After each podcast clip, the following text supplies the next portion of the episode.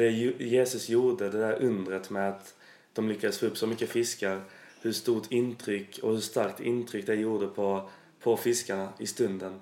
Mm. Eftersom att de inte, det verkar inte som att de tvekade så jättemycket utan de blev övertygade om att ja, det här är, det här är Guds son och han behöver oss och vi behöver honom.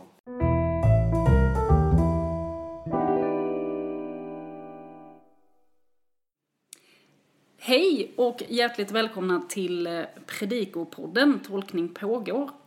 Det här är Johanna Öhman, präst i Uppåkra församling, som eh, poddar idag tillsammans med John Andersson, eh, konfirmationsledare i Uppåkra församling, 17 år gammal. Superkul! Ja, det ska bli jätteroligt faktiskt. Jag tror att det är första gången vi har en, eh, en konfaledare som, som poddare. Ja, det är en ära. Det ska ja. bli riktigt roligt. Ja, det är superkul att du vill vara med. Mm. Vi befinner oss på konfirmandläger yep. i norraste Norrland, Jäckvik, tillsammans med 13 glada konfirmander ja. och ett gäng ledare. Vi är ganska trötta. Mm, det, ja. får se om det hörs i podden att vi, att vi är trötta. Eh, vi ska podda om apostladagen och jag ska läsa evangelietexten som är hämtad ifrån Lukas evangeliet kapitel 5, verserna 1-11. En gång när Jesus stod vid Genesaretsjön och folket trängde på för att höra Guds ord fick han se två båtar ligga vid stranden. Fiskarna hade gått ur för att skölja, skölja näten. Han steg i den ena båten som tillhörde Simon och bad honom att ro ut ett litet stycke. Sedan satte han sig ner och undervisade folket från båten. När han hade slutat tala sa han till Simon.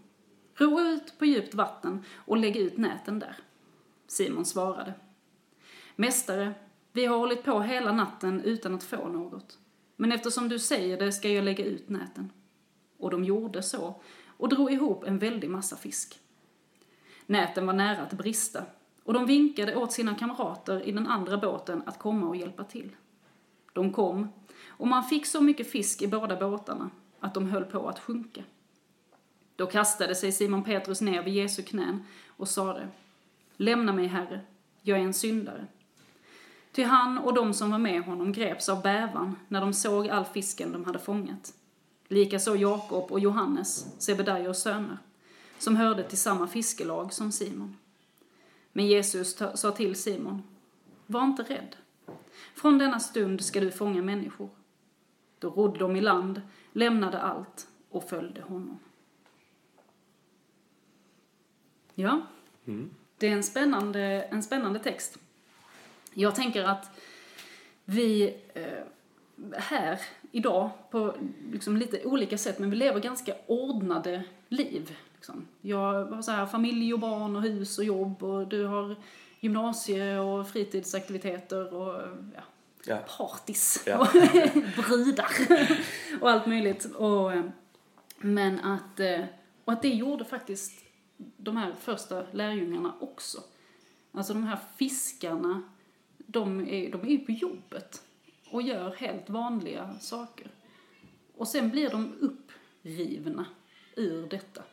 Eh, och får faktiskt, eh, får faktiskt liksom uppdraget att sluta sina jobb och då bli människofiskare eller att fånga in människor istället. Hur tror du, John, att det, hur tror du att det känns att få en sån fråga?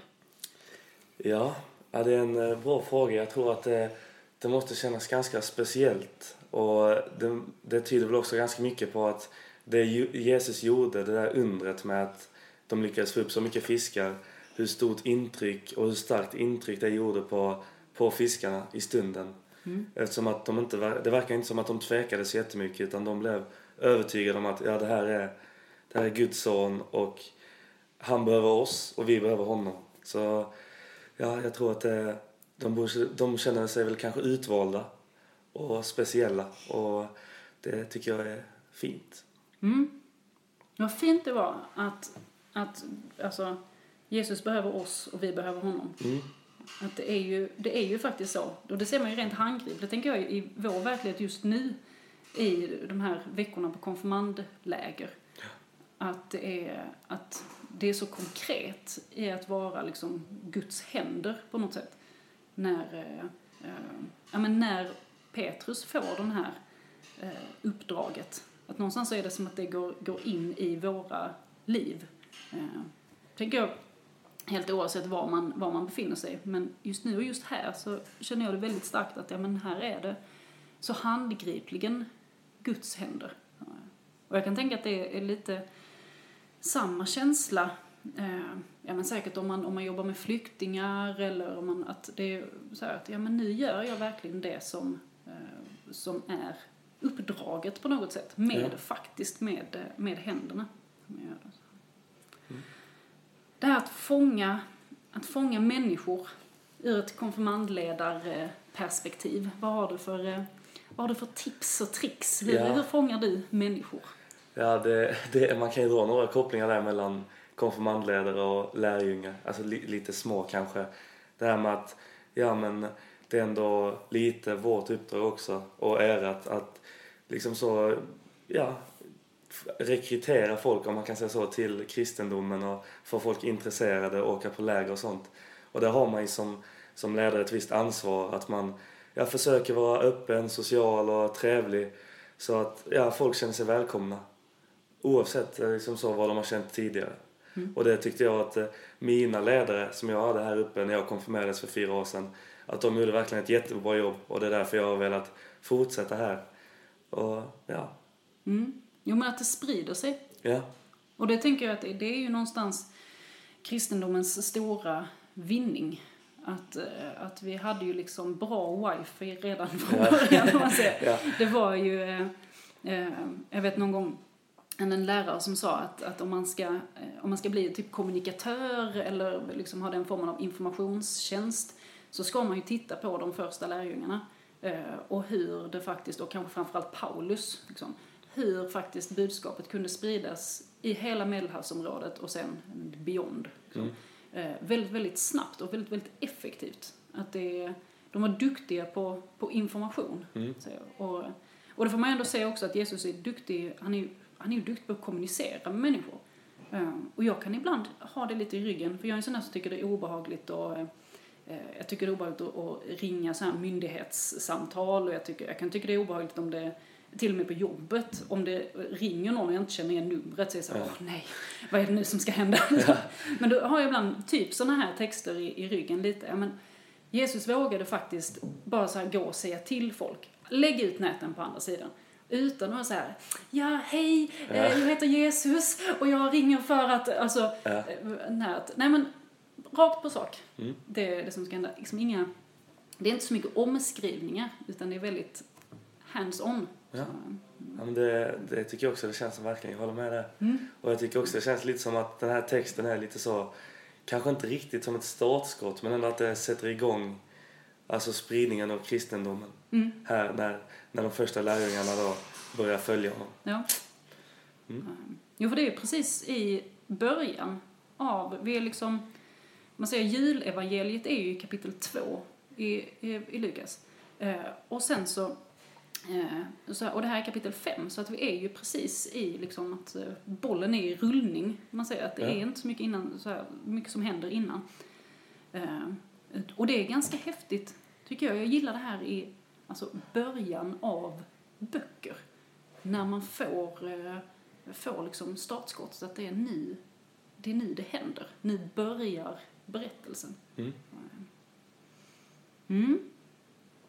Varför tror du att Jesus, eh, eller att Petrus blir så... eh, eh, liksom, alltså han säger lämna mig herre, jag är en syndare. Ty han och de som var med honom greps av bävan när de såg all fisken de hade fångat. Vad är, liksom, han ber Jesus att lämna honom. Det är en sån här grej som jag upptäckte nu i texten som jag faktiskt inte har, har reflekterat så mycket över innan. Men han säger till Jesus att gå därifrån. Mm. En ganska intressant eh, liksom, mening. Ja. Ja, vad, det, är- ja, det är också lite svårt. Jag, jag tänker så här att det kanske är när man möts eller upplever någonting som liksom känns, känns för stort för att greppa. Att man då rent automatiskt blir lite så skygg och lite rädd kanske för det. och vill undvika det. Det tror jag att många har känt när det är stora grejer som händer eller stor, när man ska göra någonting så jättestort och man inte vet var man ska börja så vill man helst bara skjuta det åt sidan och det är kanske lite så eh, som ja, Simon eller Petrus som det nu var kände där. Mm. Ehm, men jag, ja, så, så kan jag tänka mig att det är, men jag vet inte riktigt. Nej, men det kan nog vara rätt i det. Det- Det här att man är liksom taggad och livrädd på samma ja, gång. Ja, Ja, Typ som när man ska ja, men så här, börja, börja ny skola eller Ja. börja nytt jobb. Att, eh, man vill ju, men det är också det värsta man har gjort. Ja. Ja, men så är det verkligen. så. är det verkligen alltså. Ja. Att det, man känner så att det ska bli jätteroligt. Mm. Men jag vill helst börja imorgon istället. Ja. Jag vill inte göra det nu. Exakt. Ja. Ja. Och där är ju Jesus ganska hård, inte i denna texten, men i, eh, man ser i, i andra texter, det finns bland annat ett ställe där, eh, eh, där han så här, också då samlar människor och ska, ska skicka ut dem. Och så är det, har, eh, är det jättemånga som har, eh, har ursäkter. Eh, ah, men jag måste göra detta, jag har precis köpt en åker, jag måste gå och kolla på den. Och, Ja. så. och då blir Jesus ganska, ganska irriterad på det och säger, nej men släpp det. Nu är det liksom, det är nu det börjar. Det börjar inte, det börjar inte imorgon Mm. eller en annan dag, utan det är nu. Så, eh, sätt dig ner och sätt igång. Ja. liksom. Ja, men det är bra. Det tror jag, det tror jag många hade behövt. Mm. Ja. Däribland jag. Jag alltså, har alltid jättesvårt att komma igång med grejer. Då är det, då är det jättefiffigt om någon bara liksom får en att sätta igång direkt. Mm. Så jag tror det är effektivt. Säkert. Ja. Och jag tänker det, det finns en stor tröst i detta också att, att lärjungarna är så otroligt mänskliga. Eh, för det finns en, en tendens tror jag att man, eh, ja, men man ser gärna så kanske ikoner med lärjungarna och man ser dem ofta avbildade i kyrkor och, eh, och då är det, man ser det är väldigt mycket efterkonstruktion. Att, ja men de är så väldigt, eh, ja men lite upphöjda, man säger, och de är då ofta avbildade med gloria och allt möjligt. Men så ser man sådana här texter och man inser att ja, men de här är exakt som jag. Eh, så här, kan inte komma till skott och de tvivlar på vad Jesus säger och ja, eh, tvivlar på sig själva, inte minst.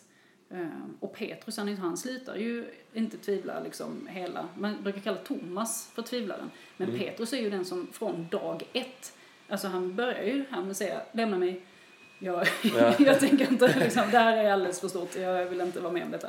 Eh, och sen liksom eh, under hela tiden så är det ju alltid han som är såhär, nej, nej, är det verkligen så här, ska vi verkligen? Så, eh, det, det är en sån personlig grej för mig som är, eh, är väldigt skön, att lärjungarna på något sätt är så, eh, är så otroligt mänskliga. Mm. Ja. Är lite synd att, de, att det aldrig är, det är aldrig avbildat. Nej. Liksom.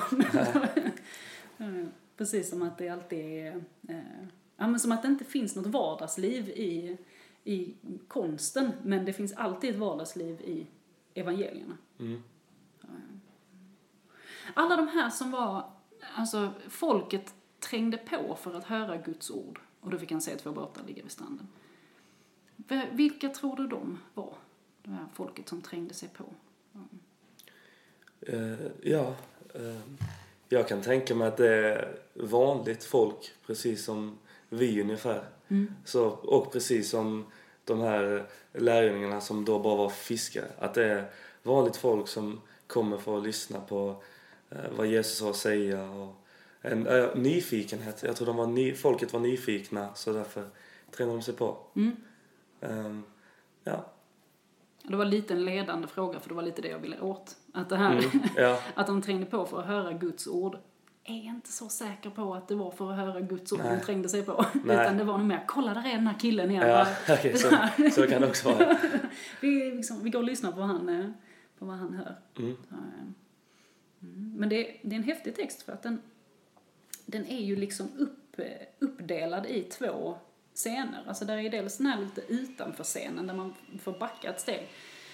Eh, och sen så går man in i liksom dialogen mellan, mellan Jesus och Petrus. Eh, som, eh, eh som då blir mer personlig, om man säger. Så att det är ju både, både en utanförberättelse och sen en, en inre dialog. Mm.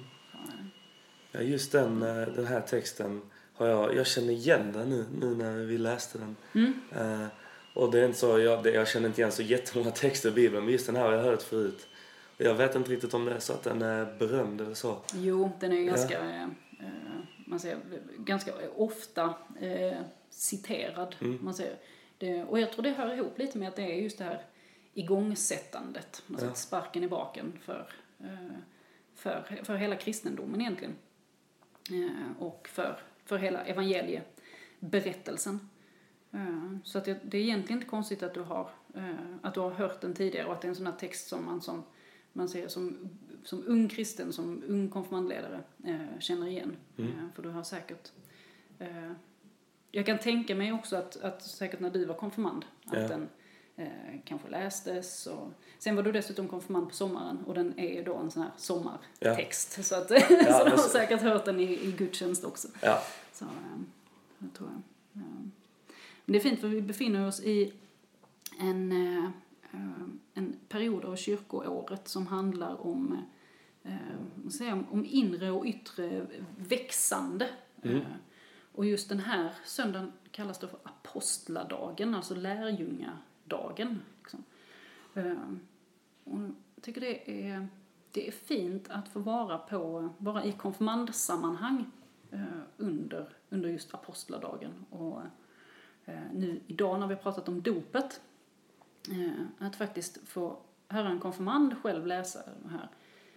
Gör, gå ut och gör alla folk till, till lärjungar. Mm. Att Jesus säger aldrig gå ut och gör alla folk perfekta eller gå ut och han säger liksom lär dem att hålla alla det bud jag har gett er. Mm. Eh, Men han säger inte liksom gå ut och skapa eh, liksom, folk som är stöpta i samma form eller så, utan gå ut och gör folk till lärjungar. Och det är precis samma sak som han säger till Petrus här. Alltså, från denna stund ska du fånga människor. Men det, han säger ju inte från denna stund så ska du fånga perfekta varelser som, som Nej. liksom ser ut så här eller tänker så här eller beter sig så här. Mm. Brukar du fiska? nej faktiskt inte. Det är Du är jag, ingen fiskare? Jag är ingen fiskare. Nej. Jag är fullständigt värdelös på det, tyvärr. Ja. Jag också. Mm.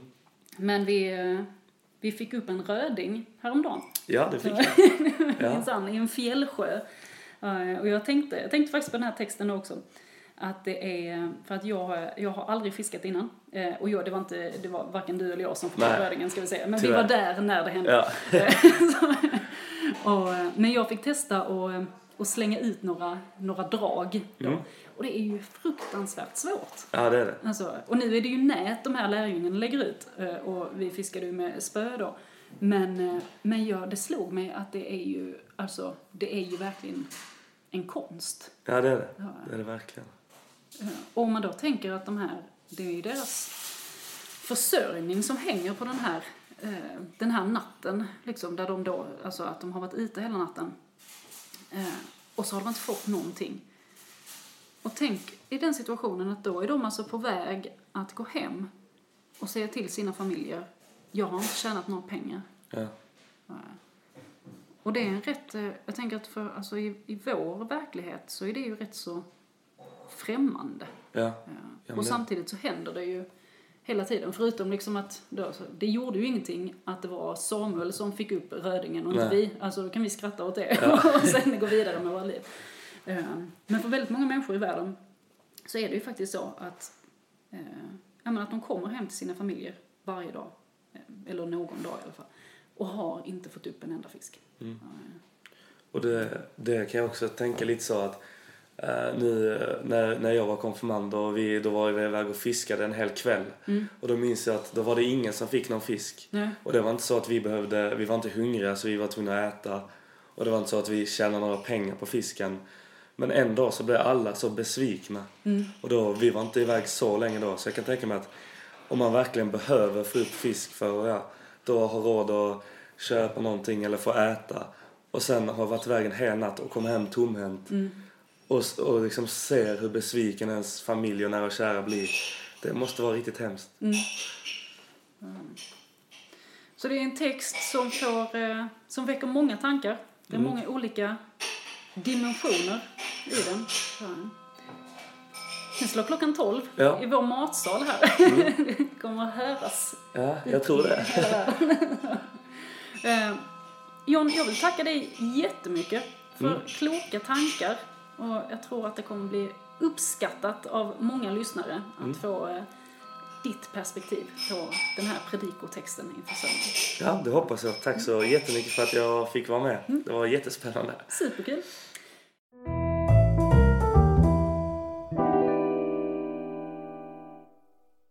Du har lyssnat på Tolkning pågår. En teologipodd för dig som vill delta i tolkande samtal och för dig som vill få inspiration i predikoförberedelsen. Om du tycker om vår podd så får du hemskt gärna sprida den på Facebook och andra sociala medier.